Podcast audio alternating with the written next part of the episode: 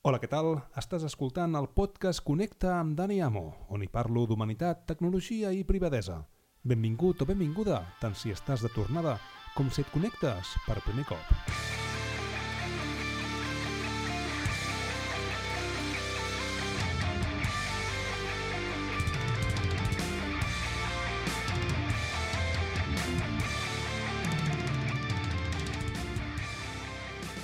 Aquests moments de confinament degut a la Covid-19, m'agrada conèixer altres realitats i sobretot aquelles que requereixen un esforç addicional per sobrepassar la situació que estem vivint i que és absolutament anormal.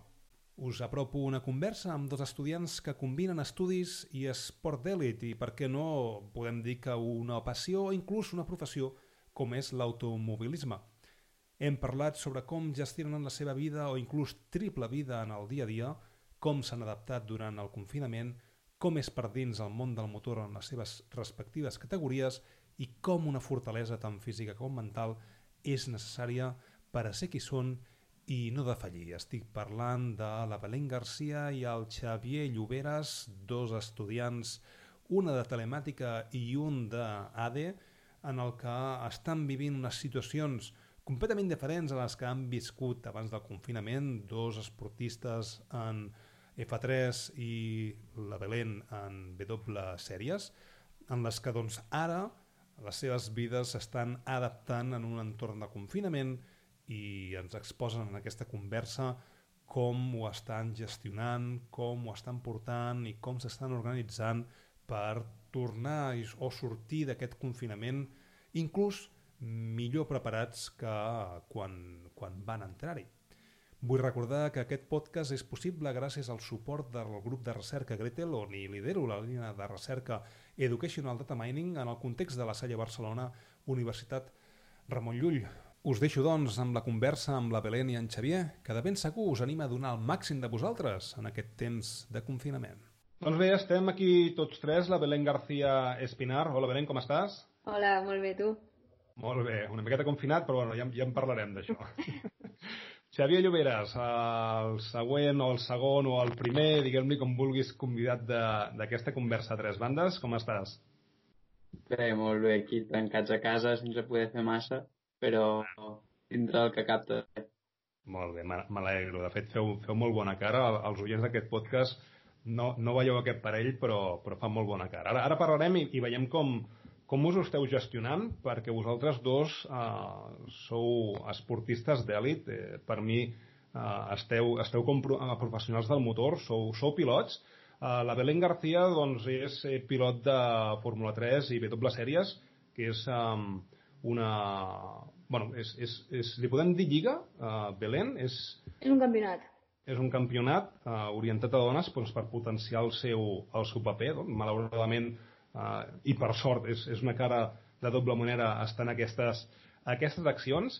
Uh, la Belén, a, a més a més de ser pilot, o, o, o primer abans de ser pilot, uh, és atleta, uh, fa salt en pèrtiga, encara que em sembla que has tocat tots els, tots els esports possibles d'atletisme, pot ser? Sí, sí, ben bé. Menys llançaments, que no se m'ha donat gaire bé, fons, velocitat, salts, tanques, tot. Mm -hmm. Molt bé. Bueno, a veure, llançarem potser per, per la musculatura, pot ser, o què? Sí, sóc una mica petita per fer llançaments. Això en parlarem, no? Perquè hi ha algunes curiositats que t'han d'adaptar als cotxes i... Una mica. Una miqueta, va, vinga, deixa'm, deixa'm que us presenti, que acabi la presentació, perquè sóc molt dispers, ja ho veieu, i vaig fent com paradetes, vale? Bueno, doncs, la Belén García Espinar, a part de ser pilota Fórmula 3 i W sèries, és atleta, i a més a més, per allò que dius, va, vaig a fer alguna cosa més, doncs està fent segona telemàtica a la Sella Barcelona, Universitat de Ramon Llull. De fet, eh, és alumne meu en una de les assignatures. Sí, sí, així és. És que se't, se't dona molt bé, entenc que les altres, les altres classes doncs també. Uh, Xavi, uh, Xavier Lloberes Brunet, uh, doncs bueno, actualment està cursant segon d'AD a IQS Barcelona, també formant part de Ramon Llull, i també ets pilot, ets pilot de Fórmula 3 i com la Belén formeu part de l'equip de Renault, m'equivoco? Exacte, sí, bueno, eh, competim al campionat Fórmula Renault Eurocup que es competeix amb Fórmula 3 i bueno, estem en el mateix equip GRS és un equip valencià que bueno, ens està ajudant doncs, a seguir en el nostre camí. Molt bé. És un, és un camí dur o què? És un camí dur o què? Sí, sí, molt. I la gent no ho sap. Suposo que, que, que fins que no estàs dins d'aquestes coses no ets conscient, no? ets conscient, no? Exacte. Si la gent es pensa que és com conduir el seu cotxe de carrer, que, que sí, que és un volant que va suau, eh, els pedals són suaus, eh, les marxes entren perquè sí, i no, doncs són cotxes de carreres que estan optimitzats al màxim i totes les comoditats i conforts que es tenen en un cotxe de carrer doncs no els tenim nosaltres.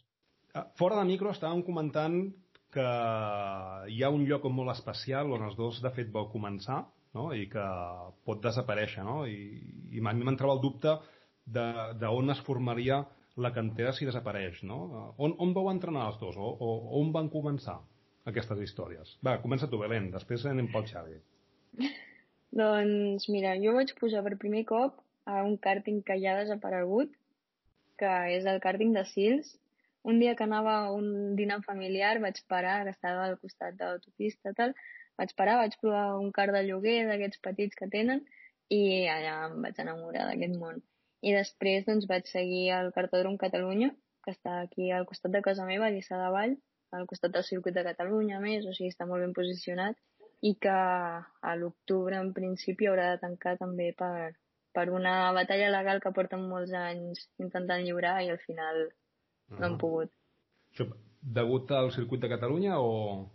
No, el polígon que hi ha al costat del circuit de Lliçà. Eh, mm. Volen fer naus industrials i els hi canvien permisos i tal. Ja, l'era moderna, no?, que sempre que sempre ens afecta a tots d'alguna forma o altra, no? Però clar, llavors, eh, si no es pot entrenar, on, on s'entrenarà? Bueno, ara mateix estan ampliant el circuit de Vic eh, i poc més. Realment, el circuit de karting a Catalunya Eh, N'hi va haver molts en el seu moment i es feien moltes proves del Campionat d'Espanya aquí, però ara mateix s'estan quedant enrere la majoria. Per això ara la reforma de Vic és molt important, però sí que és veritat que el que permetia fer el Cartòdrom Catalunya doncs sí que ho perdem ara mateix. Clar. Uh, Xavi, tu també no vas entrenar allà durant molts anys a Lliçà?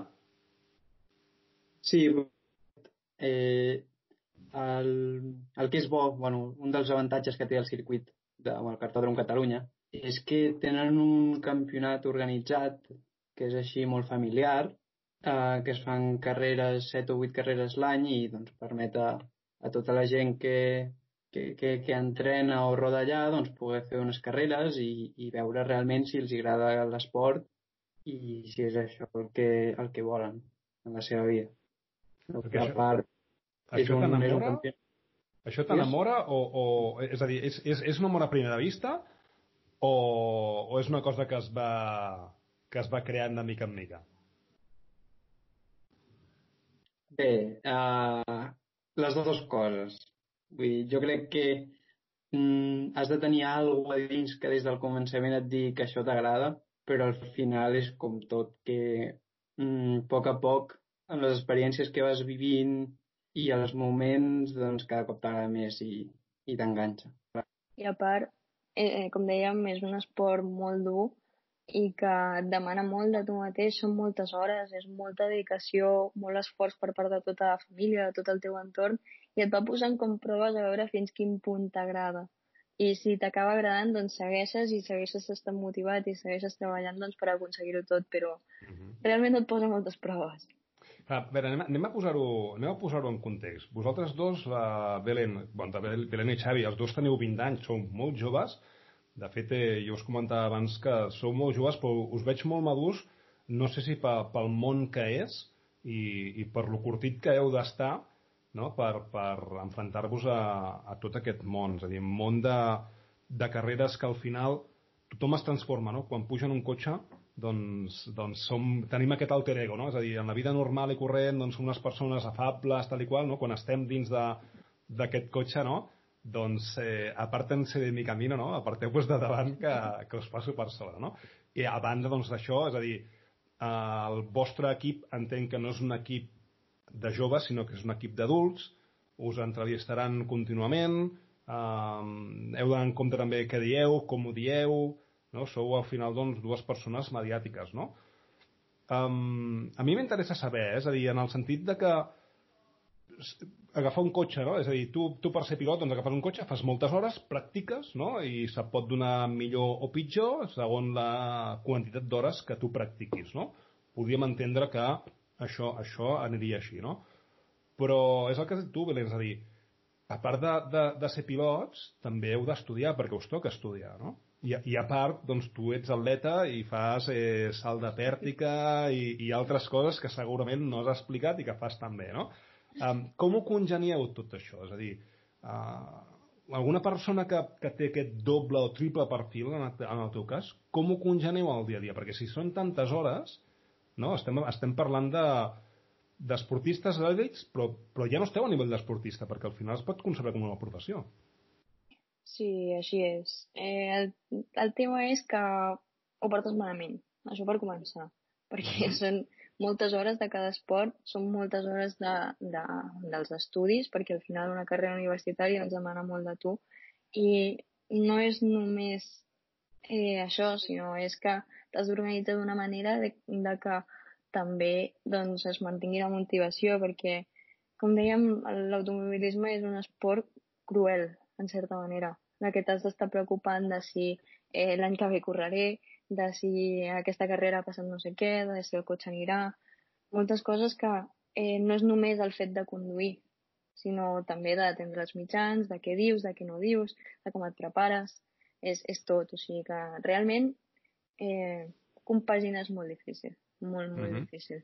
I, I teni... has d'acceptar que en cert moment doncs, no arribaràs a tot. Clar. Ah, i, I teniu algun, algun mànager, algun assessor, algú que estigui per vosaltres o, o us ho feu tot? És a dir, Vosaltres mateixos sou els managers, no? És a dir, sí. Eh, sou com Juan Palomo, no? Jo me lo guiso jo me lo como.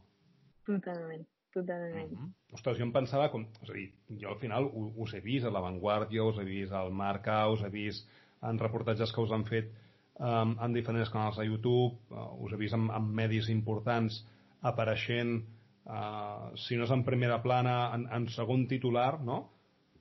Ostres, jo em pensava que això és diferent, no? És a dir, per tant, sigui, esteu en una edat que heu d'estudiar molt, perquè us toca estudiar moltíssim, i a banda us esteu forjant un camí dins de l'automobilisme, no? Però clar, és a dir, no hi ha ningú que us gestioni.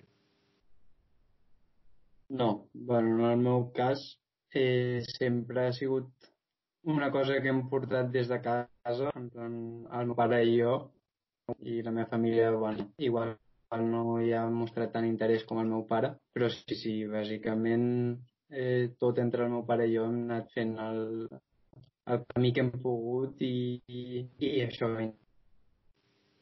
sort igual que ara estic un mal de temps igual com la Belén estudia enginyeria que sí que necessita dedicar moltes hores jo assistint a classe i estudiant mínim m'ho vaig traient bé. Mm -hmm. Perquè el, el vostre objectiu és barrejar aquestes dues... O sigui, la, la passió i la, i la segona professió. És a dir, per mi, entenc que la vostra primera professió i passió és l'automobilisme, no?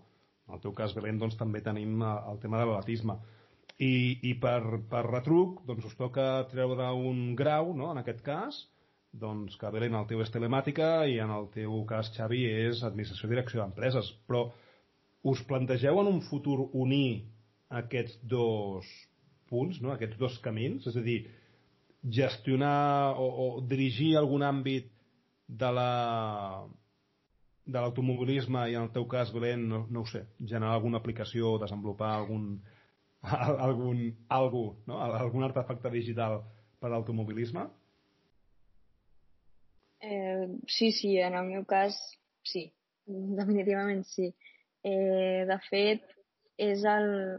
O sigui, jo vaig fer un primer any de telecos a la UPC, no el vaig acabar, i quan ho vaig deixar vaig començar a treballar a l'empresa dels meus pares, que és una empresa de cronometratge esportiu de carreres. Vale. Llavors, allà vaig descobrir que el que volia fer, que és una mica, bueno, la gestió telemàtica de les carreres i, i de la gestió de dades de tot el cronometratge. Llavors... O sigui seria algo així com telemetria, no? Telemetria.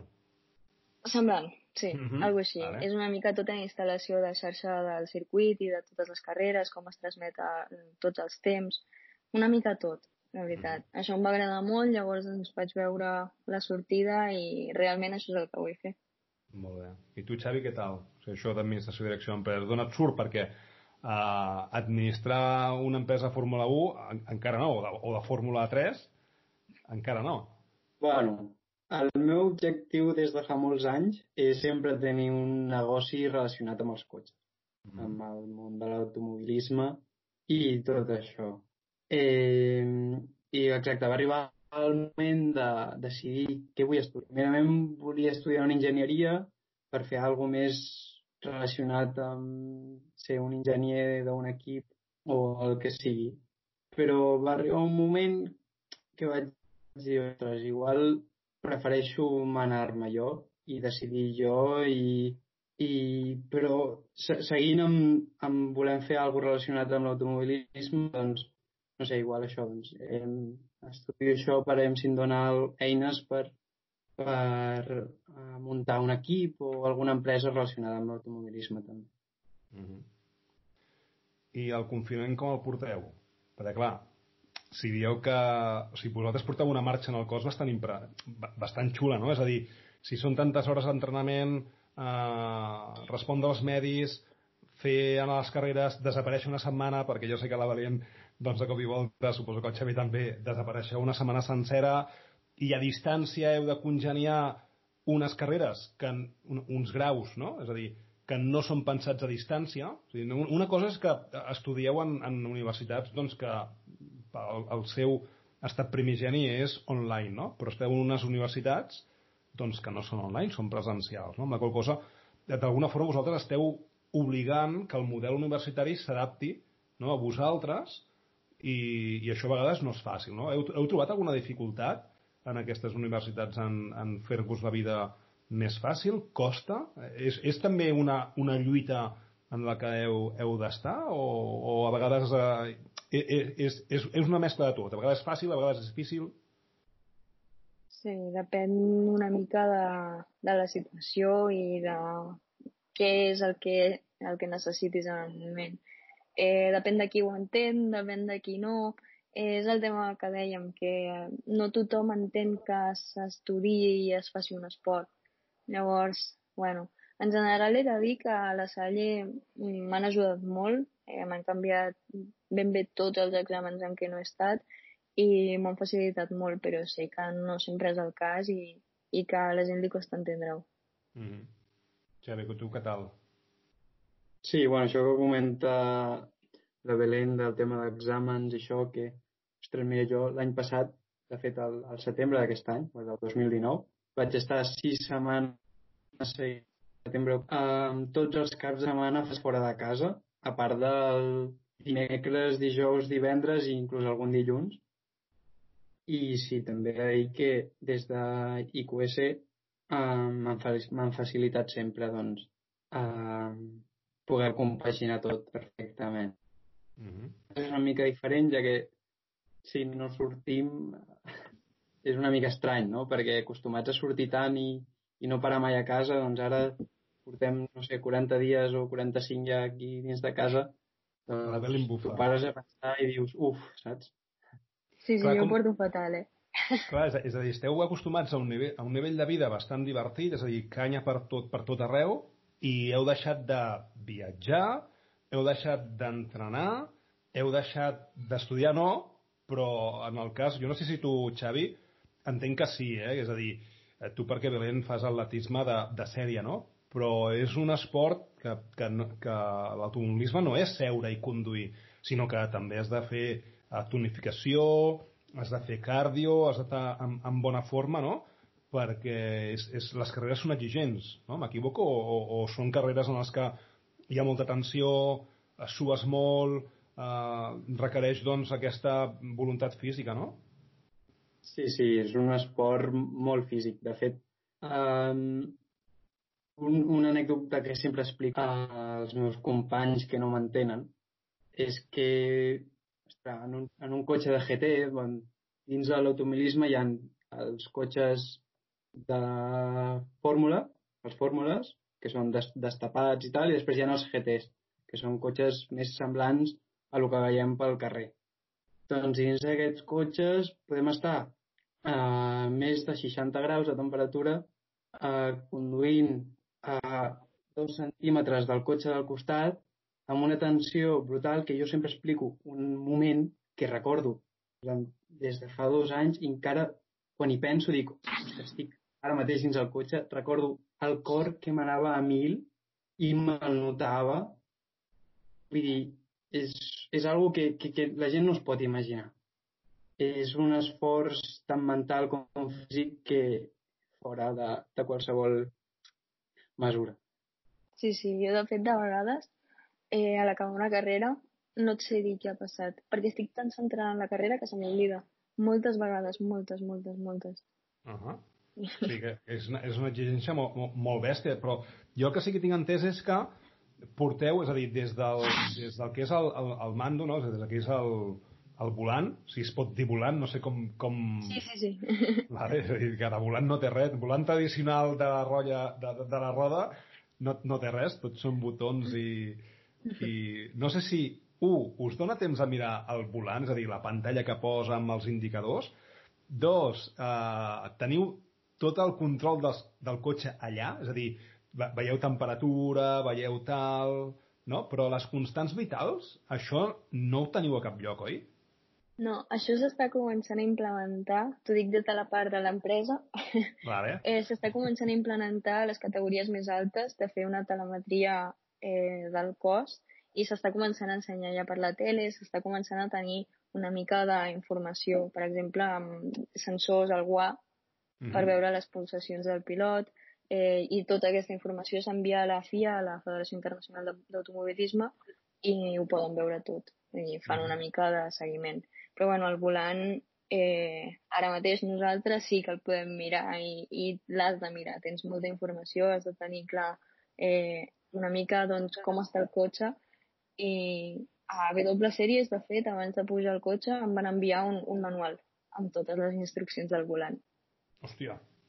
Sí, que, sí, que, sí. Que, és, és a dir, cada campionat té un volant concret o va per cotxe? O sigui, com va això del volant? Perquè és tot un món, és a dir, al final tens botons, tens pantalla, en alguns campionats la ràdio no te va deixant activar, en alguns altres... O sigui, com funciona això de, del volant? Perquè és una peça, en realitat, clau, no?, de d'un cotxe d'aquest tipus? Sí, però, doncs hi ha que cada cotxe, diguem, eh, té les seves funcions diferents en el volant. Al final, les funcions bàsiques les tenen les, mateixes funcions, que són temperatures d'aigua, d'oli, eh, velocitat, eh, diferents tipus de sensors de pressió, etc etc que tots tenen el mateix, tots els cotxes. I dins de cada campionat, per exemple, el, les W Series que està corrent la Belén, utilitza el mateix cotxe que utilitzem a la Fórmula Renault Eurocup, que és on estic corrent jo, que el cotxe és un Fórmula 3. Vull dir, els, i els controls són els mateixos. Uh, si canviéssim de cotxe, doncs els, els controls serien els mateixos, però una mica eh, diferent col·locats, diguem-ne. I sí que és veritat i hi ha més sensors i més, i més coses a, a fer des, de, des del volant. Però, i, I ho feu servir tot o, o clar, és que no us, no us doneu ni compte, no? És a dir, hi, hi, ha, hi ha tantes coses a controlar que suposo que el vostre cervell deu minimitzar, no? És a dir, vale, controlo això, això, això, tiro milles. Sí, també depèn del, del que et permeti canviar el, el volant o el cotxe en marxa, perquè, per exemple, eh, moltes funcionalitats del cotxe nosaltres no les podem veure al volant, però en canvi si l'enginyer de pista es connecta al cotxe sí que ho pot veure després, però clar, això hem parat. I això a mesura que vas avançant de categoria, doncs sí que et vas trobant que van començant a, a veure més coses i que pots fer més coses de, des del volant. Per exemple, al, al novembre, no me'n recordo com va ser, no, al, al gener, febrer, eh, vaig anar als testos de Fórmula 1 i Tatiana Calderón, un altre pilot, em va ensenyar, em va deixar agafar el, el volant del Fórmula 1 de l'Alfa Romeo. I tenien de tot. O sigui, podien canviar el repartidor de frenada, el diferencial, o sigui, tot. I em deia que potser en una volta doncs, canviaven tres vegades mil coses del cotxe. Clar, llavors, cada cop que el cotxe es va fer més complex, tens més coses a fer. I al nostre nivell, doncs sí, les coses bàsiques, la ràdio, eh, mirar les temperatures, molt important, limitador de velocitat, però realment poc més. Ens podem centrar bastant en, en el que és conduir. Mm -hmm. I, en, I en disfrutar el moment, no? Exacte. Uh, so, sobre aquest gimnàs que no, que no podeu fer, és a dir, a no ser que a casa tingueu algun... Exacte. A no ser que a casa tingueu al, algunes màquines, algunes peses, és a dir, o feu calistènia o no, calistènia és al final doncs, fer exercici amb el, amb el propi cos, no? És a dir, o feu això, o dir, com, com us ho munteu? Va, anem a parlar exactament del confinament, perquè Belén, veig que darrere teu tens una base on pots, on pots practicar, vale? és a dir, uh, darrere de Belén hi ha una cadira uh, amb un volant connectada amb una, amb una pantalla, amb un monitor i un ordinador doncs, a, a peu, no? És a dir, com ho feu això? És a dir, aquests entrenaments que fèieu abans, com els aconseguiu emular? Perquè, evidentment, iguals no són. Però, clar, necessiteu forma física, necessiteu entrenar, necessiteu que els reflexos doncs, continuïn igual. Com feu tots aquests tres punts? Bueno, imaginació. No ho feu. Ara mateix, no, sí, sí. Mm -hmm. Sí, sí, i tant que ho fem. ho hem de fer, hem d'estar preparats per quan tornem i, i és el que toca. De fet, entrenem junts, una mica inventant entre els dos a veure què podem fer i sí, sí, de tot. Eh, ara mateix el que es pot amb arròs, amb garrafes d'aigua i sí, inventant calistènia i una mica de tot. Mm -hmm. Però sí que és veritat que estem dedicant moltes hores al simulador. Sí. Eh, sí, que expliqui el Xavi. Sí, sí. Eh, de fet, jo mai havia entrat en aquest món del, del sim racing, que són competicions de cotxes, però des de casa.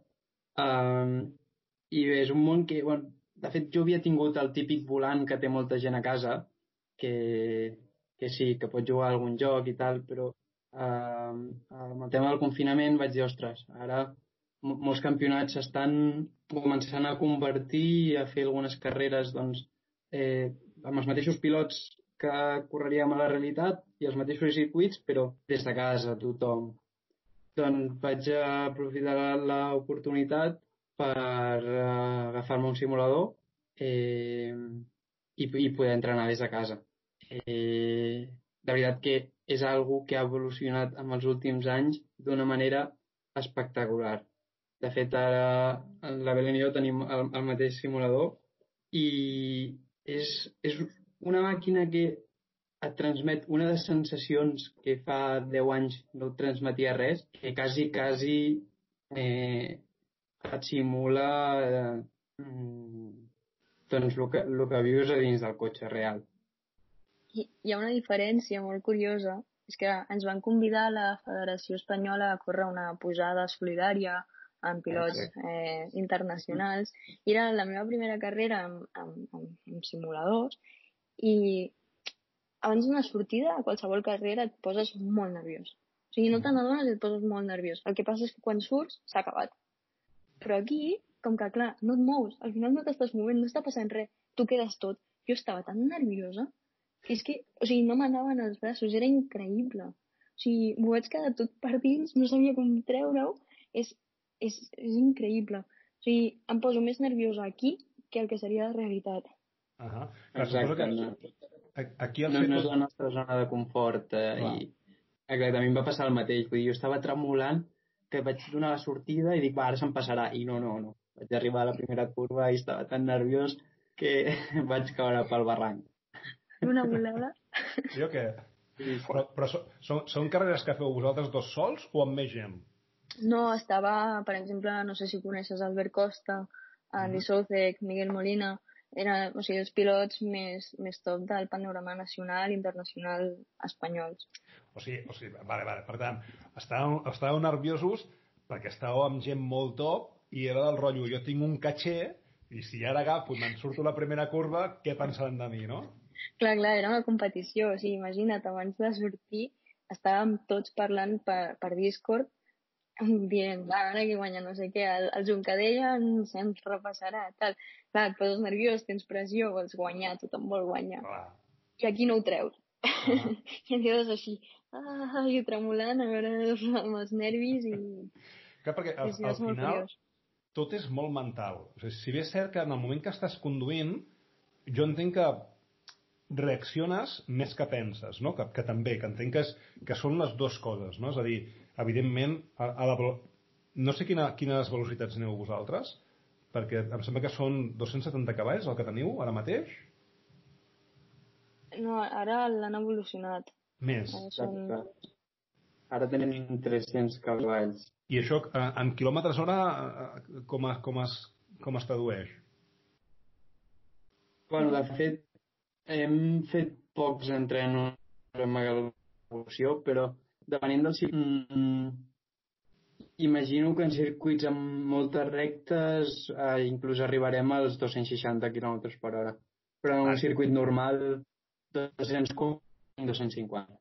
O sigui, vosaltres conduïu a 240 o 250 i quan us, us he preguntat si penseu, m'heu fet la cara que, que sí, hi ha, hi, ha, hi ha moments que penseu. És a dir, com es pot pensar conduint a 240 o 250 km hora mentre agafes curves i tens a, a tres o quatre persones al teu costat, davant i darrere, o, o darrere, perquè vosaltres sou, sou guanyadors, eh, amb Exacte. tota la... És a dir, eh, i guanyadora, amb tota la pressió. És a dir, com es, es pensa en realitat? És a dir, no, no, no, estàs en un entorn on estàs actuant i, i no sé si m'explico. Dir, Sí, una, et dona temps a mica sí. Una mica sí, eh, és una mica per sensacions, per feeling i perquè et vas trobant que al final es repeteix. Però en cert moment ho has de pensar. Per exemple, si tens algú... O sigui, tu vas analitzant tota l'estona al de davant, per exemple. Si saps que fas una curva millor, doncs et prepares l'anterior per atacar allà. Al final, sí, vas pensant i has d'automatitzar certes coses perquè eh, per poder-te fer-te lloc per poder pensar. Clar. Sí, sí. Exacte. En plan, jo crec que és una cosa que estem tan acostumats a fer-ho, almenys jo, que passa a ser com algo que per la gent normal és molt estrany, per mi és algo normal, com si caminés.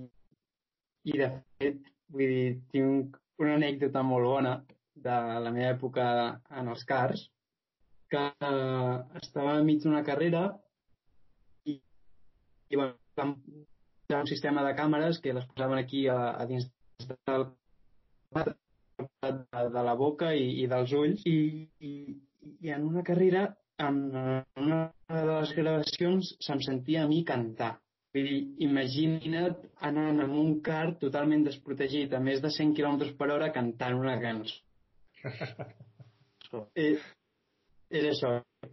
Per Si t'esta- t'estaves avorrint. no... Pel carrer xiulant i que... Xavi, et, et perdem, eh? Jo almenys et sento una miqueta tallat. Pot ser? Una mica, sí. Sí? Voleu que apaguem un moment el, els vídeos a veure si s'ha- si s'aguanta això? Ah, vale, Vale. també. Sí. Sí? Farem una, una estona a veure si... Ok? Perquè es veig, veig que es va tallant. O sigui que està, estaves dient que en, en una carrera de karts a 100 km hora tu anaves xerrant com cantando bajo la lluvia, no? O sigui, aquí no passa res, jo vaig fent i pim-pam. Sí, sí, sí, sí, exacte. Vull dir que, de fet, a, a, a, la gent a mi, perquè i, i estava competint contra altra gent i això doncs, és una anècdota que, que, bueno, que per demostrar que és algo que, que ja ho portem a dins i estem molt acostumats. Clar.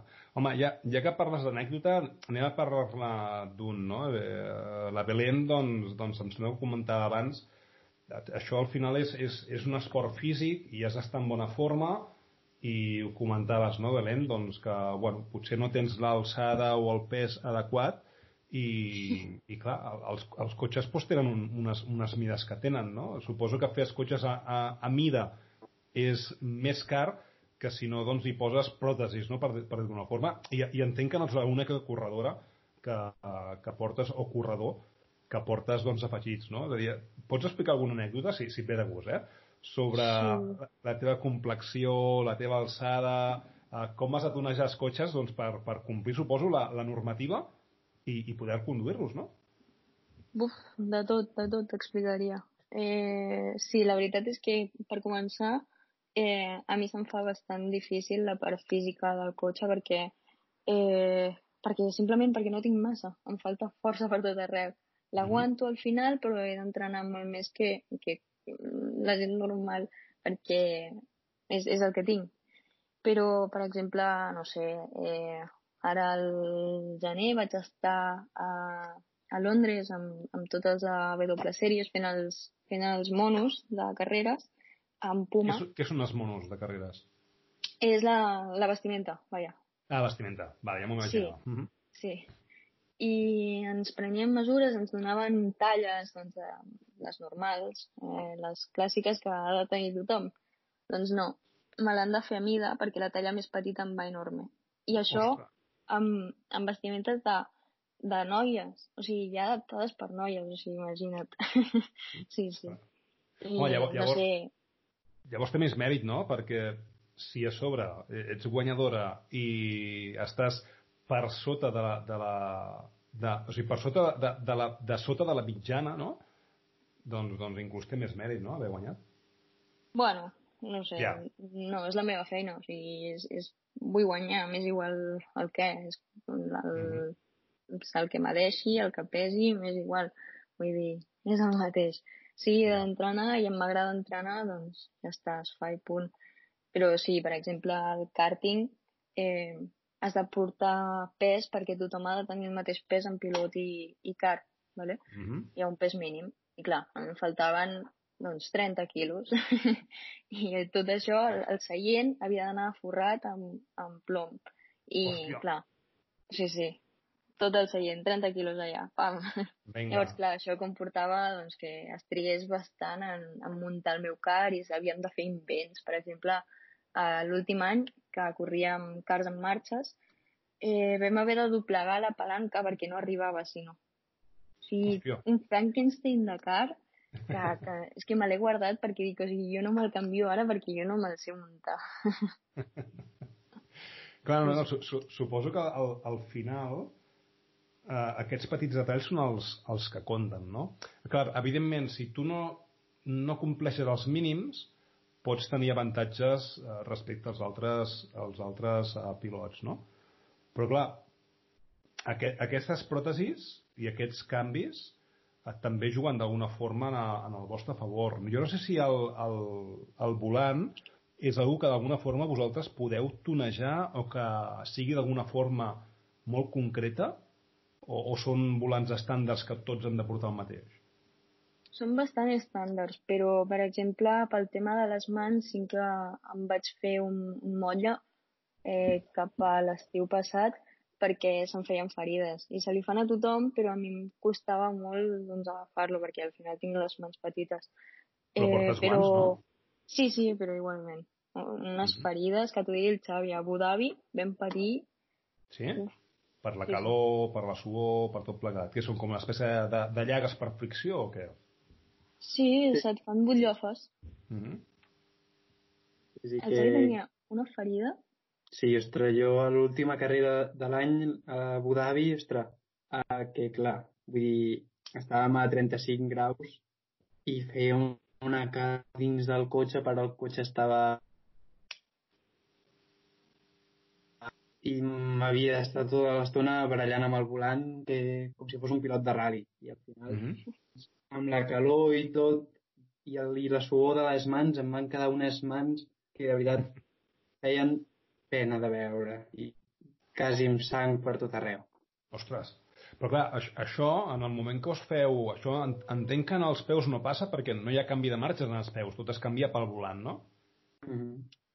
Sí. Però clar, si, si tu tens ferides a les mans, això vol dir que en la següent carrera, si no estàs recuperat o recuperada, eh, jugues en desavantatge. Sí, sí, així és. Vull dir, va ser un- una carrera que teníem entrenaments dijous i divendres i les curses eren dissabte i l'altre el diumenge. I, clar, eh, tot el dijous i tot el divendres entrenant, doncs és quan em va aparèixer les ferides i, Hòstia. clar, a les carreres doncs anava doncs, eh, embanat i amb, amb de tot, tot de calmar la irritació, fes el menys mal possible durant la Clar, perquè i llavors com coreu això? El rotllo Compex per les mans o tal dia farà un any? Eh, bueno, una mica de tot. Mm -hmm. Esperes a que et surti una mica la durícia, però si no també tinc com una espècie de, de gelatina eh, per posar amb, amb una mica de tape que és el que millor m'ha anat, però pateixes igual, la veritat, perquè això es, es desfà. Es desfà mhm. directament, mm -hmm. no aguanta la pressió. O sigui, per molt que et posis coses, mm, el que esperes és que surti la durícia, que passi i, i ja està.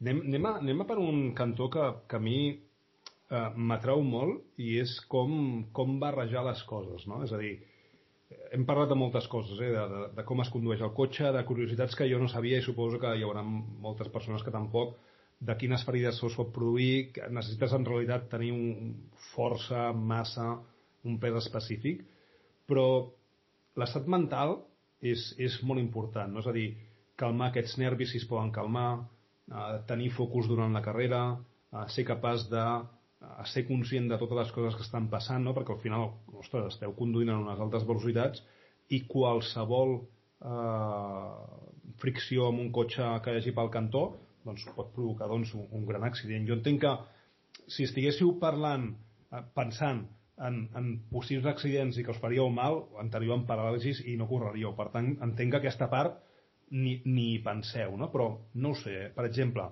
eh, practiqueu alguna no sé, sessions de mindfulness o, o mediteu o teniu alguna, algun mantra que, que us repetiu? És a dir, com utilitzeu, i si les utilitzeu, tècniques de, de relaxació, de meditació, de mindfulness per, per enfrontar les carreres o els entrenaments? Ho feu servir? Us, us entrenen per això? O també us heu de buscar la vida com us heu buscat la vida des que va començar? Eh, tot és buscar-se la vida, la veritat. Però sí que és veritat que eh, amb el simulador ara mateix estem treballant molt eh, tot el tema de concentració, de constància, no tal com el mindfulness, però sí que eh, treballant una mica la tècnica d'això de, de concentració eh, per evitar doncs, això que en un cert moment en una carrera doncs, eh, perdis la concentració o deixis de ser constant i es produeix algun infortuni. Eh, no sé, bàsicament és això el que fem i el, ho treballem a pista i sobretot a simulador, perquè tampoc hi ha temps per gaire més. O sigui, Clar. és acostumar-te a fer el que fas i acostumar-te a fer-ho bé. Uh -huh. I, i, I tu, Xavi, què? Com, com ho fas, això? És a dir, de, de, quina, de quina forma pots reduir l'estrès o, o ser més conscient? És, és posar-hi hores i ja està? Sí, jo crec que sí. El tema és acostumar-se com tot. I jo competeixo des de que tinc 6 anys, per tant, al final és una pressió que sí, que sempre hi és abans de cada cursa, però, però al final t'hi acostumes. Mm -hmm.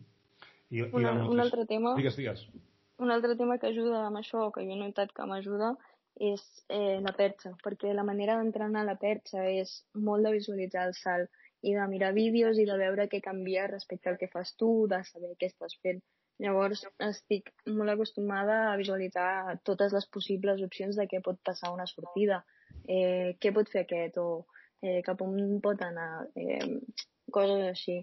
Eh, per això dic que no tant mindfulness com tal, sinó que eh, treballant-ho in situ. Mm -hmm. Clar, jo, jo suposo que sou, sou dues persones que sou competents en diferents llocs, no? És a dir, evidentment teniu uns estudis, uh, tu, Belén, doncs, has, has fet atletisme i també he llegit doncs, que fas això, no? És a dir, uh, el fet d'haver practicat pèrtiga, doncs, d'alguna forma ajudes a visualitzar no? a, a futurs que pot passar i també entenc que agafes experiència del món del cotxe i te la portes doncs, cap, a la, cap a la pèrtiga. No? Um, la part de la sortida és la més important de la carrera? Et defineix bastant la carrera, sí. sí eh, clar, sí. Si, si, si tu surts i surt, surt el, el desè eh, perquè, ostres, t'han, t'han tallat 3 o, 4, 3 o 4 quotes per davant, suposa que no és el mateix que, que sortir tercer i mantenir posicions, no? És a dir, què us, què us estressa més? Sortir el primer i mantenir posició o sortir desè i anar, anar guanyant posicions? Perquè són dues situacions completament diferents. Una, una és m'estan perseguint i l'altra és sóc el perseguidor. Sí, ostres, jo per mi el pitjor és sortir primer i saber que tens eh, 20 o 25 lobos a punt de menjar-te els per darrere, no? Sí. Sí, sí. Clar, és, és, no és el mateix de dir, va, tinc una fita que és eh, anar superant... Clar, perquè és, eh, és el concepte aquest dels small wins, no? de les petites guanyades. Clar, si tu superes algú, tens un subidon, no? És a dir, tens el subidon de, hòstia, t'acabo de superar, bien, mantinc posició. Però clar, en el moment que estàs primer o primera, no tens cap small win. És a dir, suposo que, que l'small win eh, és quan passes, acabes una volta, no? Vale, m'he mantingut doncs primer en, en aquesta volta, no? Però clar, són objectius com... O sigui, una volta sencera jo entenc que és una eternitat. Sí, sí, sobretot quan no tens a, a ningú amb qui lluitar. Clar. Eh, al final el que més ens agrada d'això són les carreres, el contacte, la lluita. Eh, una carrera se't pot fer molt llarga defensant una posició sense lluitar amb ningú. Clar. Però clar, si, si tu decideixes, no sé si això és, és una pràctica i, i, i és una que es pot fer o és una bogeria, és un suïcidi. Però si vas primer i decideixes donar pas al segon per fer un, una empenta a, aquesta motivació, això és un suïcidi? Sí, completament. Sí, no, no, no, no és una bona tàctica, no? No, no. no perquè uh, és, és molt difícil adelantar en les categories que estem nosaltres perquè tots els cotxes eh, són molt semblants, tenen la mateixa potència ah, i al final adelantes quan algú ha fet, quan el, el, la persona que tens a davant ha fet un error, però si no és molt difícil adelantar. Per tant, si et deixes adelantar és molt difícil que tornis a recuperar la posició. Clar, ostres, que curiós. És a dir, la visió és completament diferent. Quan vas primera o vas primer és no cometis cap error, perquè si la lies parda eh, ja has perdut la carrera, i quan vas que, que has de, de superar el, el contrincant, doncs és a veure quin error faig per aprofitar doncs, aquest forat, no? Exacte, sí, sí, sí. És, és un esport que jo sempre dic que no, no sempre guanya el més ràpid. Uh mhm. -huh. La majoria de vegades guanya qui, qui sap aguantar més la pressió i, i, i comet menys errors. Clar, però això com ho entrenes? És a dir, si, si, si, no, si no et pares a pensar, és a dir, tens aquests moments de reflexió... Bueno, jo, jo entenc que quan acabeu una carrera la reviseu, no? O, és a dir, fer una revisió de la carrera, de, de com ha anat, de quins errors heu comès, és a dir, mm, analitzeu la carrera com ha anat, o, o sí. tal dia farà un any. Sí, no, no, sí, tu penses que només pensem en carreres, llavors tot el que Clar. passi a la carrera ho acabem comentant. I mm. sí, és molt, molt important també això, tenir referències i, i comparar i veure què, què hagués fet un altre en aquesta situació, analitzar les coses i per això eh, ajuda molt doncs, tenir un company d'equip i, o un coach que m'ha estat ajudant el Xavi aquest any, perquè de vegades el que veus des de dins no és el mateix que es veu des de fora o el mateix que ha passat. Llavors, per la propera vegada que et trobes en aquesta situació ja ho saps, però s'ha de veure primer. M'estic quedant sorprès perquè no sé si ho estic entenent bé o, o, o estic captant un altre missatge. Veig que, almenys a, a, en, en, en, la, en la vostra categoria, eh, és com un esport força solitari. No? És a dir, tanmateix, és a dir, esteu en un equip, eh, teniu doncs, mecànics, teniu eh, un equipament, teniu unes persones que es poden donar suport al llarg de la, de la carrera, però sou com, com, com llops solitaris, no? És a dir, veig que al final el, el creixement depèn molt de vosaltres i de les accions que feu vosaltres de forma personal, tant dins com fora. Perquè clar, si, si hi ha carreres que no teniu ràdio, aneu sols i soles. Sí, sí. sí. Eh, així és. Bueno, és, un, és un esport que és un esport individual perquè al final estàs tu dins del cotxe sol, que en moltes carreres, com has dit, eh, no, no tens ràdio, no tens amb ningú amb qui parlar, però estàs completament sol, però hi ha un equip darrere que és molt important, eh, d'enginyers mecànics, eh, fins i tot en alguns equips cuiner, eh, o qualsevol cosa ajudant, que és molt important tenir una bona relació amb ells i, i sobretot aprendre d'ells. Perquè al final, després de cada... Quan et baixes de cada cop del cotxe tens una reunió amb tots i, i, i hi ha molta informació i, i has de ser com una esponja, saps? Per, per absorbir-ho tot i, i poder-ho aplicar en futures carreres. Vale, vale, això, això em referia, o sigui que sí que us reuniu amb l'equip i, i sí que en parleu i sí que d'alguna forma esteu doncs, doncs, analitzant. Que jo us volia preguntar, eh? en el sentit de, de com feu això de, de, del gimnàs, és a dir, gimnàs, nutrició, és a dir, si comencem pel gimnàs, clar, eh, no sé quantes hores entrenareu, però per pujar massa muscular, en el teu cas, Belén, per exemple, eh, suposo que el, que el Xavi, doncs, a, el, el gènere masculí, doncs, acostuma a tenir molta més musculatura, no? Per, de, per norma general, eh? Clar, Belén, tu, tu com ho fas, això? És a dir, hem de congeniar gimnàs amb menjar proteïna, amb menjar les grasses adient. No sé si feu alguna dieta doncs, especial, no? Hi hi ha aquestes dietes doncs, keto, proteiques, eh, hipercalòriques... No sé si això us ho donen, us ho munteu vosaltres també, o si li feu molt de cas, o mira, escolta'm, jo menjo el canvi de gust i vaig a gimnàs a pujar una miqueta de, de pes i arreando. No, bueno, eh, he provat totes, bueno, bastantes d'aquestes dietes eh, mm. fa temps, sobretot la paleo, keto, eh, coses així, mm. però realment al final el que m'acaba funcionant més és menjar variat i, i una mica el que em va venint de gust en el moment. Eh, però sí que sempre això, variat, saludable. Eh, I tot quasi tot m'ho monto jo. Ara estic començant a entrenar, eh, bueno, a treballar amb un entrenador que em passi els entrenos perquè necessito una mica més aquest extra, però sí, eh, en situacions normals acostumem a entrenar unes dues hores al dia, quasi, al dia. quasi tots els dies, sí. sí però sí. En, entrenar de gimnàs? Gimnàs, eh, aeròbic, eh, mm -hmm. bueno, una mica de tot, eh, bici, córrer, i, mm -hmm. i sobretot molta musculació, molt core. Eh, principalment I, i això. I entrenar, entreneu tots els dies en, en, en cotxe o alguns molt concrets a la setmana? No, no, no, no. Eh, va molt diferent aquest món a qualsevol altre món, com per exemple la perxa. Eh, jo mm -hmm. saltava perxa dos dies a la setmana i és lo normal dels esports, practicar el teu esport normalment.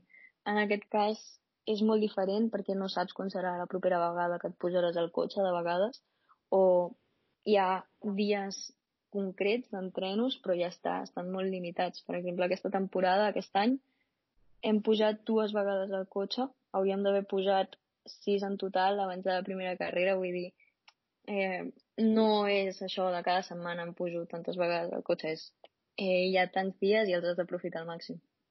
O sigui que fas entrenaments en carrera, vaja, bàsicament.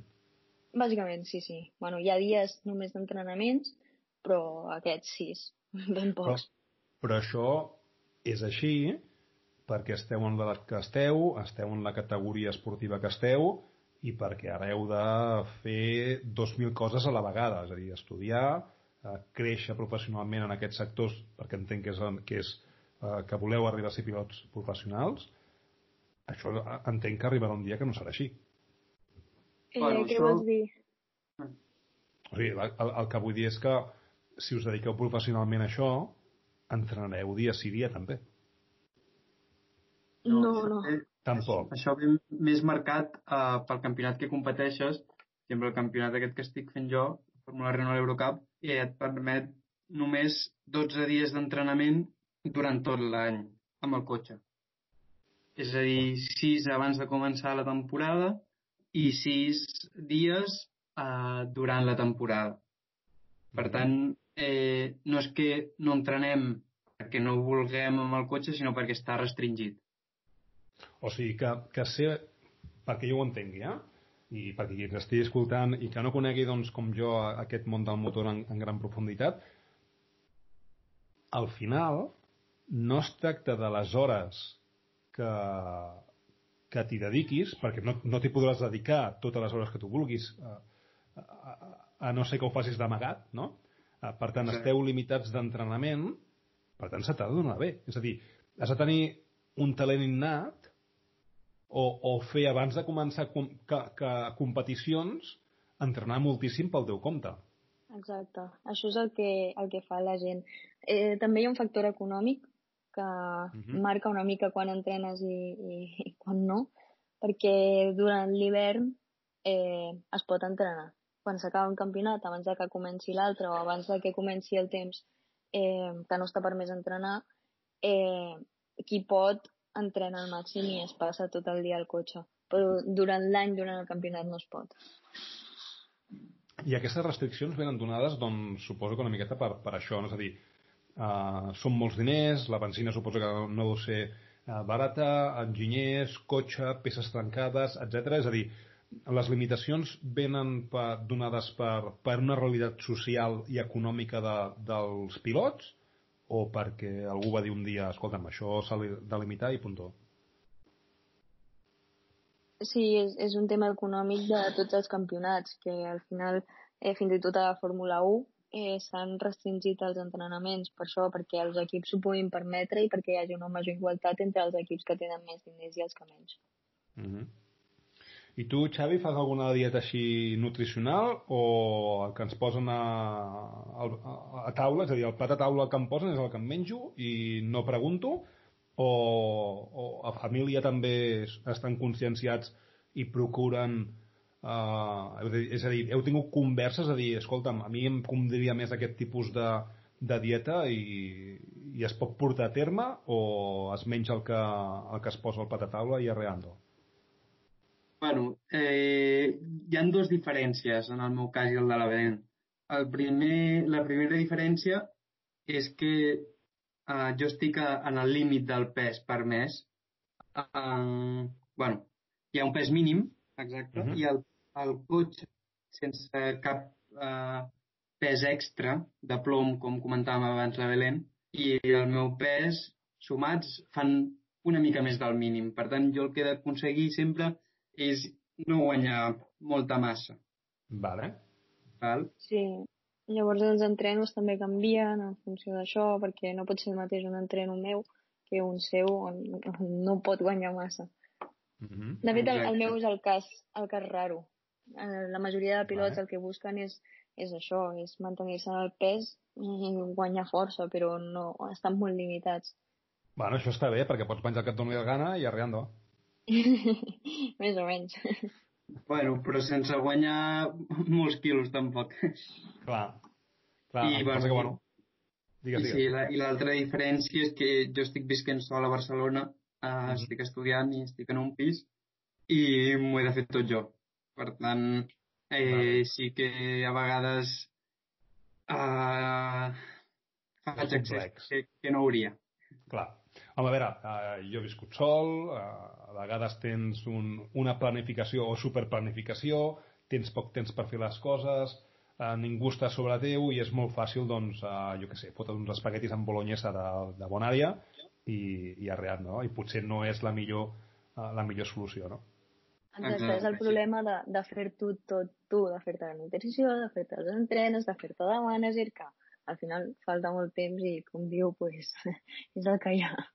Mm -hmm. Però això diu molt de vosaltres dos. Uh, al final, aconseguir el que heu aconseguit, a més a més estudiar, uh, tu, Xavi, doncs viure sol, uh, és una moguda. Per tant, heu de ser super estrictes. I a sobre, esteu en una, en una època, esteu en una edat, doncs que heu de socialitzar. És a dir, uh, sou joves i, i és moment, doncs, de, de fer aquestes sortides amb amics, és moment doncs de gaudir una miqueta de la vostra edat, no? Ostres, eh, em trec el barret perquè entenc que heu de ser, suposo que no es pot ser sempre estricte del tot, sinó que entenc que, ostres, heu de portar un horari superquadrat, heu de ser rutinaris, heu de tenir uns hàbits o, o no us ho plantegeu. És a dir, teniu un horari setmanal, dia a dia, en el que, ostres, a les 5 haig de fer això, a les 6 això i a les 8 això. Sí, bastant, bastant. Sobretot ara que no tenim coses a fora de casa que ens marquin horaris, eh, ens l'estem fent, perquè si no, no hi ha manera de quadrar totes les hores de simulador, de gimnàs, d'estudi de, que hem de fer. Sí, sí, mm -hmm. completament, tot quadrat. Clar, és que és, és, és una bogeria i us agraeixo eh, aquest temps perquè, perquè sé que al final, tot que estem a, a divendres, que és l'últim l'últim dia de la setmana i que acostuma a ser relaxat, ostres, us agraeixo el temps perquè entenc que, que sou dues persones que d'alguna forma doncs, heu de portar aquests horaris doncs, super, supermercats, no? Com, com, com ho esteu vivint, això? L'últim tram, vale? portem aquí una hora i, i potser ja és moment d'anar tancant. Com ho esteu portant? Va, uh, us agradaria d'alguna forma viure-ho... És a dir, esteu utilitzant alguns recursos del que, dels que heu après en, en carrera i, i, i en la fórmula doncs per, per, per mirar el que esteu vivint d'alguna altra forma o esteu intentant sobreviure i tal dia fora mai? Depèn del dia. Depèn del dia, la veritat. no, el que, jo el que em proposo ara mateix és aprofitar aquest temps per estar el més preparada possible per quan tornem i per recuperar les setmanes perdudes de la universitat. Clar. I tu, Xavi, com ho veus, això? És a dir, t'està ajudant el fet de d'haver de ser pilot, no d'haver sigut pilot, de, de, de ser pilot a, a encarar aquesta solitud? Doncs la veritat és que sí. Amb, amb un tema que crec que a tots ens passa, que l'espera entre carrera i carrera, que estem fent vida més normal de, una, de la nostra edat, la universitat i tal, estem tot el dia, tot el dia, tot el dia pensant en la següent que jo, de fet, perdo molt temps cada dia pensant en, en carreres mm -hmm. i, i, i això, aquesta paciència és, és la que ara mateix doncs, estic aplicant doncs, per eh, quan podré tornar a sortir al carrer. Clar, perquè tu estàs confinat al pis de Barcelona, tu, tu no et mous d'allà. Exacte, estic aquí i, i bueno, paciència, com he dit, a esperar doncs, a, a poder sortir. Molt bé. bueno, suposo que el que us mou ara a tots dos és uh, la motivació de tornar, no? I això, això ja és un què. Sí, sí, sens dubte. Molt bé, doncs uh, escolteu, uh, voleu comentar o donar algun consell o alguna recomanació per a aquests que volen entrar a aquest món? Perquè, clar, sembla ser que cada cop és més, és més complicat, a no ser que aquest, eh, aquest lloc de, de Vic on pots anar a córrer doncs fins que no estigui llest, potser ara és complex. No? És a dir, quina recomanació o consell donaríeu a aquells que volen entrar en aquest món? Uf, és que... complex, ja. Sí, que, que lluitin, que ho lluitin, perquè, per exemple, jo eh, fa un any no pensava que, que mai que correria en fórmules i a base d'insistir i a base de buscar-me la vida per trobar oportunitats per córrer, doncs al final estic on estic. Xavi, què en dius tu? Doncs jo els aconsellaria que els agradi el que fan i que, si us plau, que veig molta gent jove que ja porta uns anys iniciat amb això que realment no els agrada i, si us plau, no, no els hi feu malgastar els diners als vostres pares i, i, i aprofiteu l'oportunitat i feu perquè us agrada. Mm -hmm. Al final suposo que és un, és un esport i una professió de passió, no? Exacte, i, i, i de molts sacrificis, sobretot per part de la família, i això, i, i, i agrair molt, tot. Mm -hmm. molt totalment, bé. totalment. Ostres, a mi, a mi m'ha encantat de tenir aquesta, aquesta conversa amb vosaltres. Primer perquè us he conegut una miqueta més i això, ostres, a, a mi m'omple. Aprendre de, de les altres persones doncs m'omple. No sé si sou conscients, però en realitat esteu utilitzant moltes tècniques mentals, eh, teniu molta fortalesa i això doncs diu molt de vosaltres i sobretot doncs conèixer una miqueta més el món del motor des de dins perquè sempre ho veus a les carreres no? I, i, i sempre doncs he sigut una persona que les visualitza sense entrar en, en més detalls no? i sí que és cert eh, que he tingut doncs, col·legues que, que guanyen pasta i estan en el món del, del sim racing i fan competicions i tenen molta audiència en, en directes en YouTube i coses d'aquestes. Eh? Vull dir que és tot un món i poder haver parlat a aquesta estona amb vosaltres, una hora que, que es diu ràpid, doncs n'he après moltíssim, eh? així que moltes gràcies i espero que algun dia ho puguem repetir, això. Perfecte, sí, sí. sí? Busquem sí, el dia. I que sigui desvirtualitzat, que no sigui doncs, en, en, en, en, en Skype i, i tots confinats. Sí, sí, espero que d'aquí poc es pugui fer això. Molt bé. Doncs Belén, Xavi, gràcies. Com us he dit abans, això ho compilo i ho pujaré a connectar un Daniel Amo Perfecte. Moltes gràcies a tu. A vosaltres dos.